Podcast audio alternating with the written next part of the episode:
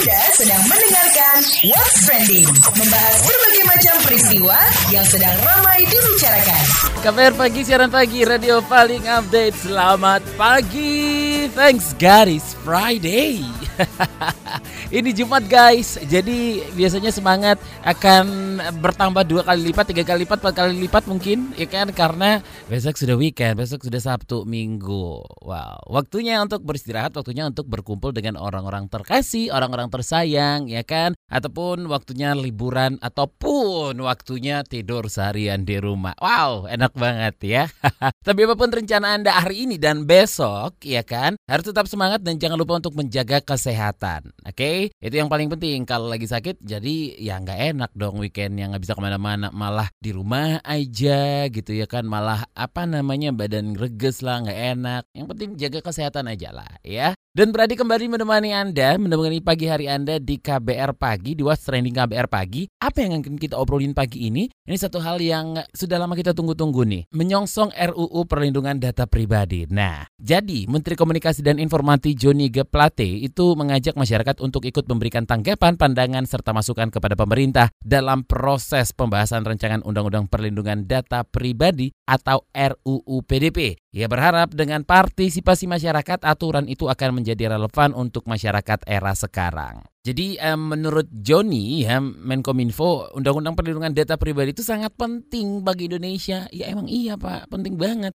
Mengingat kehidupan bermasyarakat hingga sektor ekonomi bertransformasi di era digital. Karena itu ia berharap surat presiden yang telah dikirimkan ke DPR RI dapat mempercepat proses pembahasan RUU PDP. Lebih lanjut Menkominfo menyebut Indonesia dicanangkan akan menjadi negara kelima di ASEAN yang memiliki Undang-Undang Perlindungan Data Pribadi setelah Singapura, Malaysia, Thailand dan juga Filipina. Enggak apa-apa lah ya daripada uh, nggak sama sekali, mending terlambat daripada nggak sama sekali. Bener nggak sih peribahasa kayak gitu?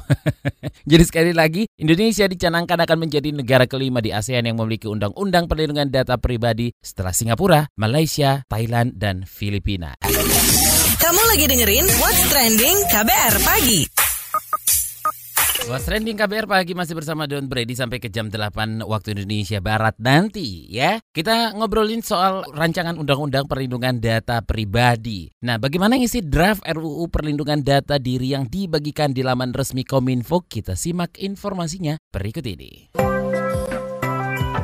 Dalam draft RUU Perlindungan Data Pribadi yang baru saja diselesaikan pemerintah itu mencakup beberapa hal, di antaranya hak pemilik data pribadi yang termaktub dalam pasal 13, yakni pemilik data pribadi berhak menuntut dan menerima ganti rugi atas pelanggaran data pribadi miliknya sesuai dengan ketentuan peraturan perundang-undangan. Selain itu, draft itu juga menyebut larangan dalam penggunaan data pribadi seperti menjual atau membeli data pribadi dalam pasal 54 ayat 2. Dan jika melanggarnya, ketentuan pidananya juga telah diatur, yakni pidana penjara paling lama 5 tahun atau pidana denda paling banyak 50 miliar rupiah. Sementara setiap orang yang dengan sengaja dan melawan hukum mengungkapkan data pribadi yang bukan miliknya dapat dipidana dengan pidana penjara paling lama 2 tahun atau pidana denda paling banyak 20 miliar rupiah.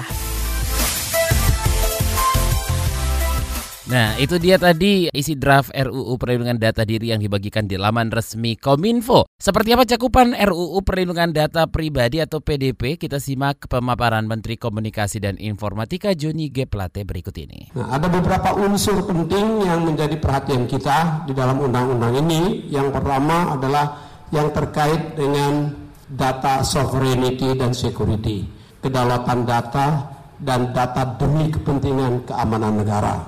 Yang kedua terkait dengan data owner, pemilik data, ya baik data pribadi maupun data spesifik lainnya yang secara cukup jelas sudah diatur di dalam draft ini. Yang ketiga data user, pengguna data yang membutuhkan data yang akurat, terupdate, terverifikasi dengan baik. Juga dalam hal ini ya pengaturan lalu lintas data khususnya lalu lintas data antar negara atau cross border data flow. Itu juga di diatur di dalamnya. Aturan ini, undang-undang ini ya untuk menjaga ya kedaulatan data di sisi yang satu, di sisi yang lain juga ya untuk memastikan membuka peluang ya agar ramah terhadap inovasi dan bisnis. Ya, di samping perlindungan data juga perlu membuka ruang dan ramah untuk inovasi ya dan bisnis atau uh, aspek investasinya. Nah, secara detail nanti tentu akan dibicarakan bersama dengan DPR. Direktur Jenderal Aplikasi Informatika Aptika Kominfo Samuel Abriani Pangerapan menyinggung soal denda bagi pelanggar Undang-Undang Perlindungan Data Pribadi. Kita simak pernyataannya berikut ini. Di tiap negara punya aturan sendiri-sendiri.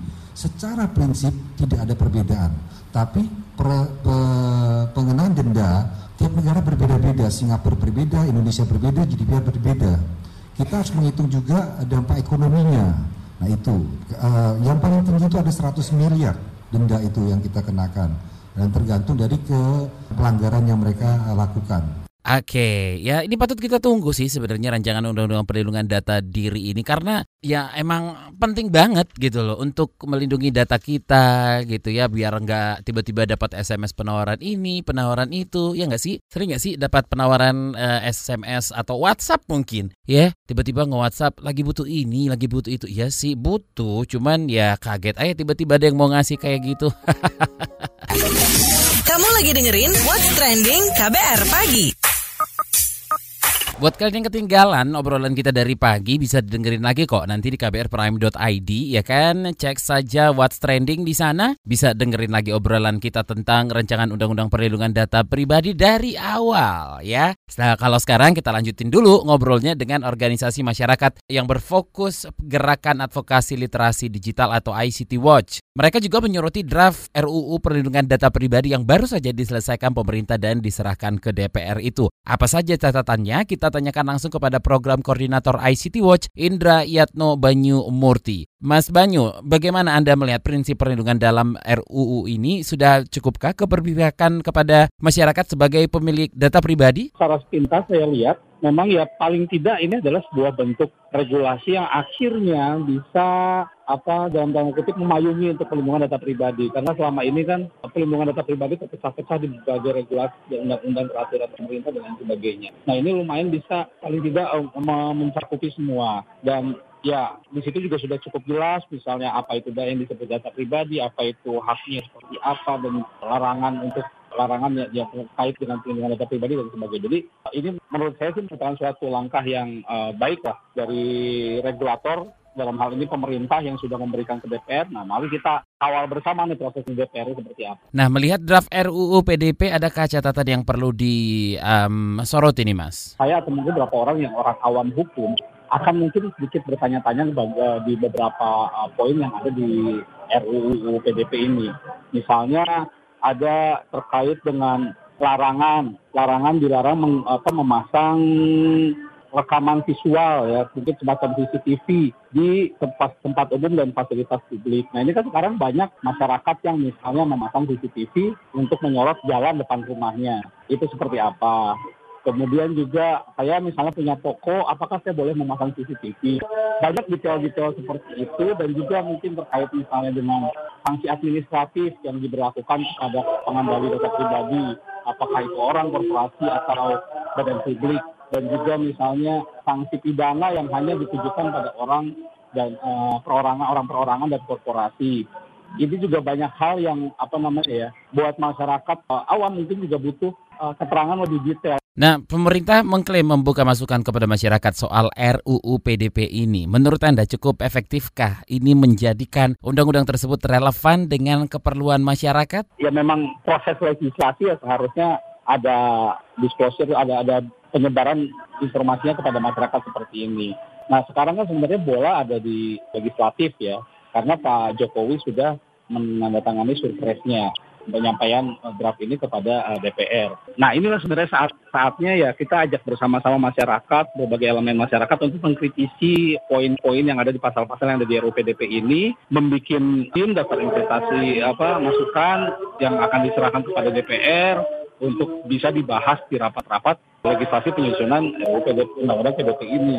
Ini yang perlu di apa namanya ya, ya kita, kita kawal bersama lah itu, itu bantuan media juga untuk menyebarkannya kepada masyarakat bahwa ini loh ada sebuah undang-undang yang akan menyangkut dalam tanda kutip hajat hidup orang banyak apalagi di era digital ini yang perlu kita kritisi bersama jangan sampai nanti sudah jadi banyak yang tidak paham. Mudah-mudahan undang-undang PDP ini benar-benar menjadi undang-undang yang melindungi masyarakat. Hmm, oke. Nah, cukup progresifkah dengan situasi masa kini dan jika dibandingkan dengan General Data Protection Regulation yang ya dimiliki negara-negara lain nih, Mas? So, panjang yang pengetahuan saya, di RUU PDP ini juga salah satu rujukannya adalah GDPR, General Data Protection Regulation tersebut. Jadi, saya jujur belum bisa membandingkan dengan regulasi negara lain, saya berharap tentunya pemerintah juga berpikir karena negara-negara yang menerapkan sudah menerapkan seperti Uni Eropa dengan GDPR-nya ini, mereka membutuhkan sebuah instrumen regulasi yang setara jika mau bertransaksi dengan negara tersebut. Ya, jadi uh, jika mereka sudah punya GDPR, otomatis misalnya ada transaksi ekonomi antara Uni Eropa dengan Indonesia yang membutuhkan transaksi data pribadi, tentunya mereka butuh kepastian regulasi yang setara antara GDPR dengan undang-undang yang berlaku di negara tersebut. Ini harusnya saya yakin sudah dipikirkan oleh pemerintah ketika penyusunan RUU PDP ini. Terima kasih program koordinator ICT Watch Indra Yatno Banyumurti. Kita dengerin yuk apa kata Miss KBR soal RUU perlindungan data ini, tapi abis yang satu ini. Kamu lagi dengerin What's Trending KBR Pagi. Penasaran sama komentar Miss KBR? Ini dia Miss KBR. Aduh, Miss KBR sebel deh pagi-pagi udah ditelepon orang tak dikenal yang ngakunya dari perusahaan anu-anu nawarin ini itu. Hmm, terus kapan hari itu ya? Nggak cuma telepon tapi nggak jarang SMS juga. Heran deh, kok bisa aja deh nemu nomor Miss KBR? Uh, bukan rahasia kan? Segala data pribadi kita cenderung mudah bocor ke mana-mana. Secara karena emang negara kita kan belum punya kan yang namanya Undang-Undang Perlindungan Data Pribadi. Emang belum, tapi akan. Karena eh karena Presiden Jokowi udah teken RUU Perlindungan Data Pribadi PDP dan dimasukkan ke DPR. Akhirnya ya wa, meskipun agak telat, perlindungan data pribadi ini urgent banget gitu loh. Mengingat perkembangan era digital dan pesat ini yang bikin penyalahgunaan data semakin rentan. Nah, kalau menurut Menkominfo Johnny G. Plate, ada tiga poin penting yang tercakup dalam RUU PDP. Yang pertama nih, kedaulatan data. Artinya, data yang ada di dalam negeri tidak diolah dan dikuasai asing. Kedua, soal kepemilikan data baik pribadi maupun yang spesifik lainnya. Ketiga, pengaturan lalu lintas data, yaitu di mana pemerintah membuka peluang terhadap investasi dan bisnis setelah Undang-Undang PDP terbit. Kalau melanggar, bakal ada denda maksimum 100 miliar rupiah. Well, Miss KBR boleh lah ya lebay soal perlindungan data pribadi ini. Anda mau kalau data pribadi diperjualbelikan tanpa seizin Anda? Hmm, Nih, tahun lalu aja ya, Lembaga Bantuan Hukum LBH Jakarta itu menerima sekitar 5 ribuan aduan masyarakat soal penyalahgunaan data pribadi yang meliputi perundungan, pinjaman uang online, dan pelecehan seksual. Selain itu, masih seger bukan diingatan kita soal viralnya kasus transaksi jual beli data nomor induk kependudukan NIK dan kartu keluarga kakak tahun lalu bukan? Oleh karena itu, sekarang bolanya ada di Bapak Ibu di DPR sana anggota Dewan yang terhormat ya. Moga-moga aja diutamakan dan digodok biar lekas disahkan, ya kan? Itu dia tadi komentar dari Miss KBR. Mau tahu besok Miss KBR bakal komentar apa lagi? Tungguin cuma di KBR Pagi.